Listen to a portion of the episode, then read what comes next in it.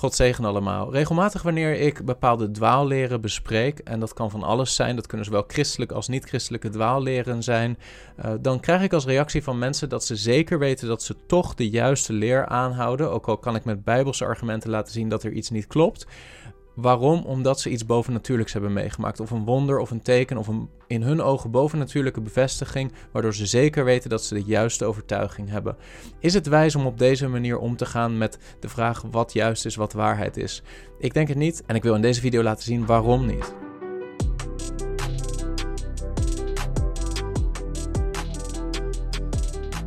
We zijn als mensen al heel snel onder de indruk van vermeende bovennatuurlijke gebeurtenissen. Wanneer er voor ons wordt gebeden en we voelen iets, een sensatie in ons lichaam, iets van een warmte die door ons heen gaat. Uh, wanneer we uh, zwak ter been worden, wanneer we op de grond vallen, wanneer we uh, extatische belevingen krijgen, wanneer we bijvoorbeeld twijfelen over iets en vervolgens een droom krijgen waarin iets bevestigd lijkt te worden. wanneer iemand dingen tegen ons zegt die die persoon helemaal niet zou moeten kunnen weten. wanneer er allerlei wonderen of tekenen gebeuren, dingen die in onze ogen niet, niet lijken te kloppen of niet lijken te kunnen, zonder dat uh, God daarin iets doet. En we zijn heel gevoelig voor op het moment dat zoiets gebeurt, te denken dat daarmee ook de persoon die daarin bemiddelt, de persoon door wie dat gebeurt, de waarheid moet spreken. Een probleem is alleen dat dit soort gebeurtenissen in allerlei religieuze stromingen en in allerlei geloven plaatsvinden. Zowel binnen het christendom als buiten het christendom. Mormonen bijvoorbeeld, die gaan regelmatig bij mensen langs de deur. Zij verkondigen een heel ander evangelie. Zij zijn polytheïsten. Ze geloven niet eens dat er maar één God is. Mormonen zijn absoluut geen uh, orthodox-christelijke stroming. En toch zeggen zij regelmatig tegen mensen... The Lord said to the prophet Joseph... Behold, I say unto you... that you must study it out in your mind. Then you must ask me if it be right. And if it is right... I will cause that your bosom shall burn within you. Therefore you shall feel that it is right. I have felt the burning in my bosom that is only possible because of words spoken by servants of God. Receive the Holy Ghost. Hier is het boek van Mormon. uh, bid ervoor en vraag aan God om te bevestigen dat het van God is. En vervolgens zeggen ze ook: wanneer je bidt, zul je een warm brandend gevoel in de borst krijgen en dan weet je zeker dat dit van God is. En zo waar gebeurt dit ook daadwerkelijk best wel vaak met mensen, waardoor ze soms overtuigd raken dat het boek van Mormon de waarheid is. Een ander voorbeeld is dat in het Rooms-Katholicisme er heel veel gedocumenteerde of beschreven wonderen zijn, vermeende wonderen, van bijvoorbeeld dromen en verschijningen van Maria. Waardoor veel Rooms-Katholieken ervaren de bevestiging te hebben dat al hun doctrines rondom Maria de juiste zijn. Moslims schrijven allerlei wonderen en tekenen toe aan de profeet Mohammed en geloven op grond daarvan ook dat hij een ware profeet was. En moslims beschrijven soms ook allerlei bijzondere uh, dromen, waardoor zij in hun beleving bevestigd worden in hun islamitische geloofsovertuiging. Maar ook binnen het christendom zijn er best wel opvallende dingen. Bijvoorbeeld secteleider Jim Jones was in principe eerst, beschreef zichzelf eerst als een christelijke um, uh, voorganger. En Jim Jones van de People's Temple genas enorm veel mensen. Er waren zelfs mensen die beschreven dat hun tumoren, hun kanker, uh, werd opgehoest en uitgehoest, waardoor ze genezen werden van kanker. En toch is het zo dat Jim Jones, ondanks allerlei bijzondere gebeurtenissen die beschreven worden, zelfs op de dag van vandaag nog steeds door mensen die in die groepering zaten, is het zo dat Jim Jones in 1978 zo'n 900 mensen met zich mede dood introk door collectieve suïcide. Daarnaast zie je ook bijvoorbeeld in India dat er gurus, een bekende daarvan is bijvoorbeeld Satya Sai Baba, een guru uit India, uh, hele bijzondere dingen doet. Hij leek goud te kunnen materialiseren. Uh, allerlei mensen beweren door hem genezen te zijn. Hij verscheen in dromen aan mensen die twijfelden en die vervolgens gesterkt werden in het idee dat Satya Sai Baba een waarachtige god was. Uh, dus zowel binnen het christendom als buiten het christendom zie je allerlei van dit soort gebeurtenissen. En de vraag nu die ik wil stellen, en ik denk dat, dat je als christen hier niet in moet grappen, de vraag die ik voor je wil leggen is: is het correct om te concluderen dat iets van God is en waarachtig is, omdat er bepaalde bovennatuurlijke wonderen, manifestaties of tekenen zijn?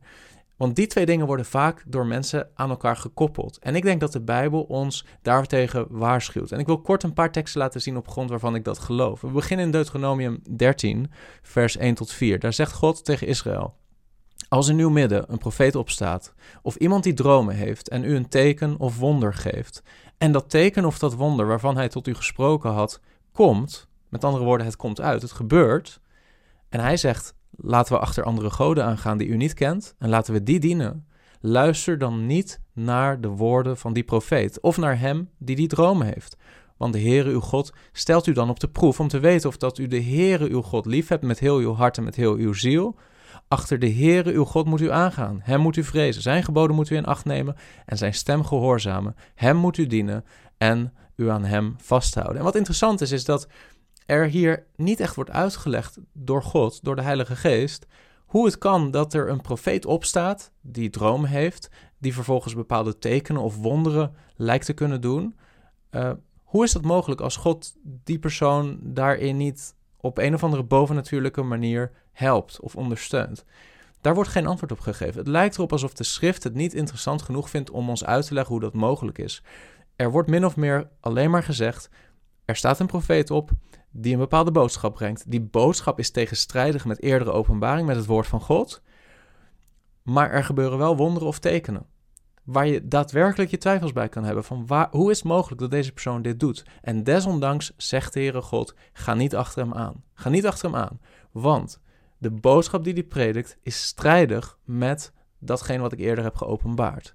Dus daar zien we al een soort eerste waarschuwing in het Oude Testament dat wij niet te zeer onder de indruk moeten zijn van tekenen of wonderen. Los van de vraag of dat het echte of niet echte tekenen of wonderen zijn. Dan gaan we verder lezen in het Nieuw Testament, 2 Thessalonicense 2, vers 8 tot 12. Daar lezen we: En dan zal de wetteloze geopenbaard worden. De Heere zal hem verteren door de geest van zijn mond en hem te niet doen door de verschijning bij zijn komst. Hem wiens komst overeenkomstig de werking van de Satan is, met allerlei kracht, tekenen en wonderen van de leugen. En met allerlei misleiding van de ongerechtigheid in hen die verloren gaan, omdat zij de liefde voor de waarheid niet aangenomen hebben om zalig te worden. En daarom zal God hun een krachtige dwaling zenden, zodat ze de leugen geloven, opdat zij allen veroordeeld worden die de waarheid niet geloofd hebben, maar een behagen hebben gehad in de ongerechtigheid. Dit gaat heel specifiek over een bepaald soort persoon die zal komen, waar Paulus voor waarschuwt in de 2 Thessalonicense brief. Maar het gaat mij hier om het concept. Het concept wat Paulus voor ons stelt. En dat is, er gaat iemand komen, een wetteloze. Iemand die dingen zal prediken die strijdig zijn met, het met de wet en met het woord van God. Maar die desondanks bepaalde krachten, tekenen en wonderen zal doen. Waarvan hier staat in vers 9 overeenkomstig de werking van de Satan.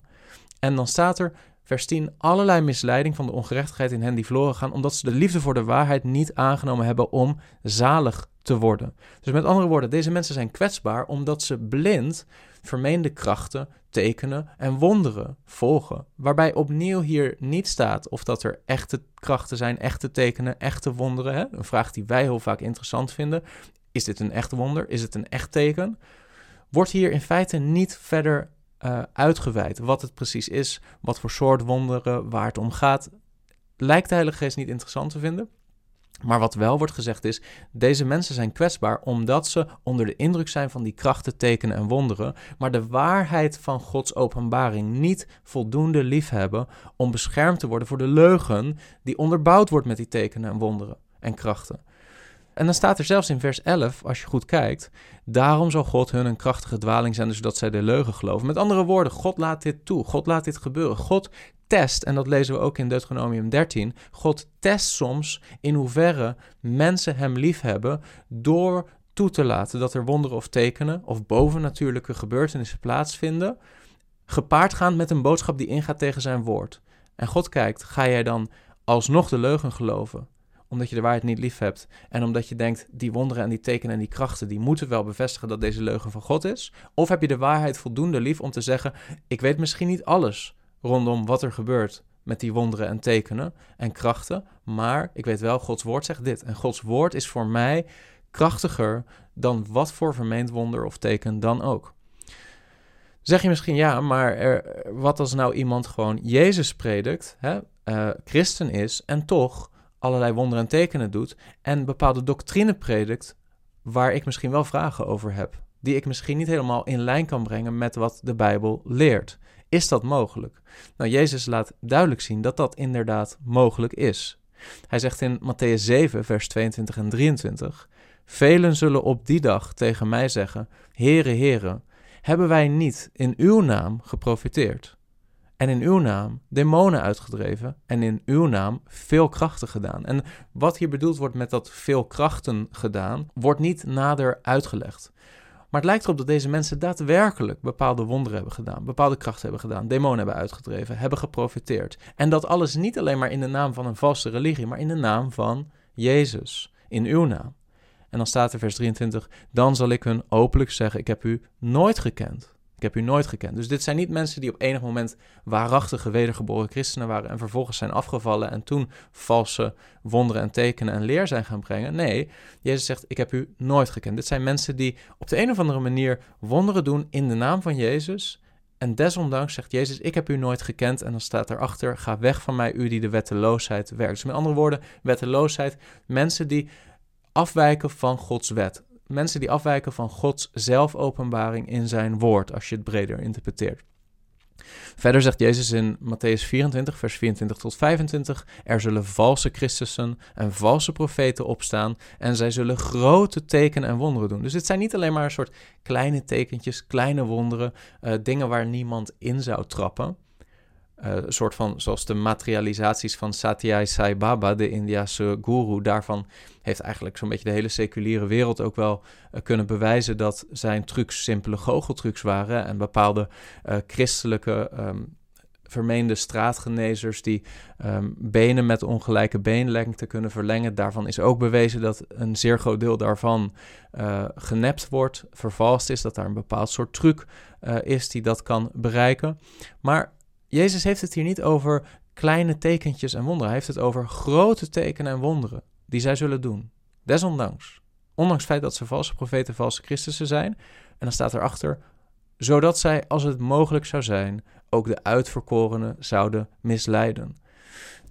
Het lijkt erop dat de enige reden dat de uitverkorenen niet misleid worden door die grote tekenen en wonderen, is het feit dat God hen vasthoudt, dat God hen beschermt. En Jezus zegt: Zie, ik heb het u tevoren gezegd.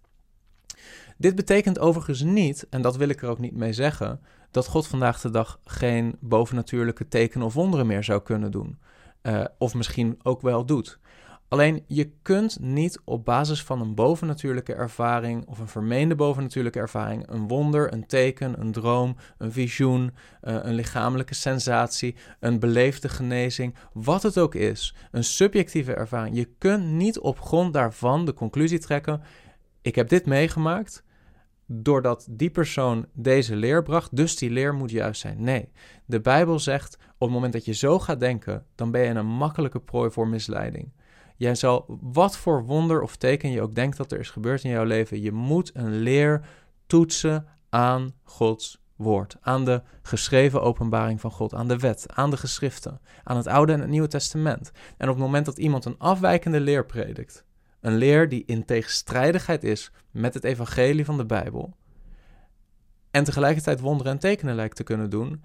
Dan interesseert het mij niets wat voor bizarre wonderen of tekenen er ook gebeuren. Het interesseert niets. De vraag is: is het in lijn met de schrift of niet? En zo niet, dan is het niet van God. Nogmaals, in deze video is mijn doel niet om aan te tonen dat er geen wonderen of tekenen meer zouden gebeuren, maar mijn doel met deze video is puur om je te laten zien dat je nooit jouw positie, jouw geloofsovertuiging ten aanzien van de leer, wat de juiste leer is, moet bepalen aan de hand van subjectieve ervaringen, mystieke ervaringen, wonderen of tekenen, want de Bijbel zelf waarschuwt ons hiertegen. Dat wat waar is, is waar omdat het geleerd wordt door Gods woord, door de Bijbel en om geen enkele andere reden. Ik hoop dat jij iets hebt gehad aan deze video. Als dat zo is, druk dan op like. En wil je vaker dit soort apologetische video's zien, abonneer je dan op dit kanaal. Tot de volgende keer.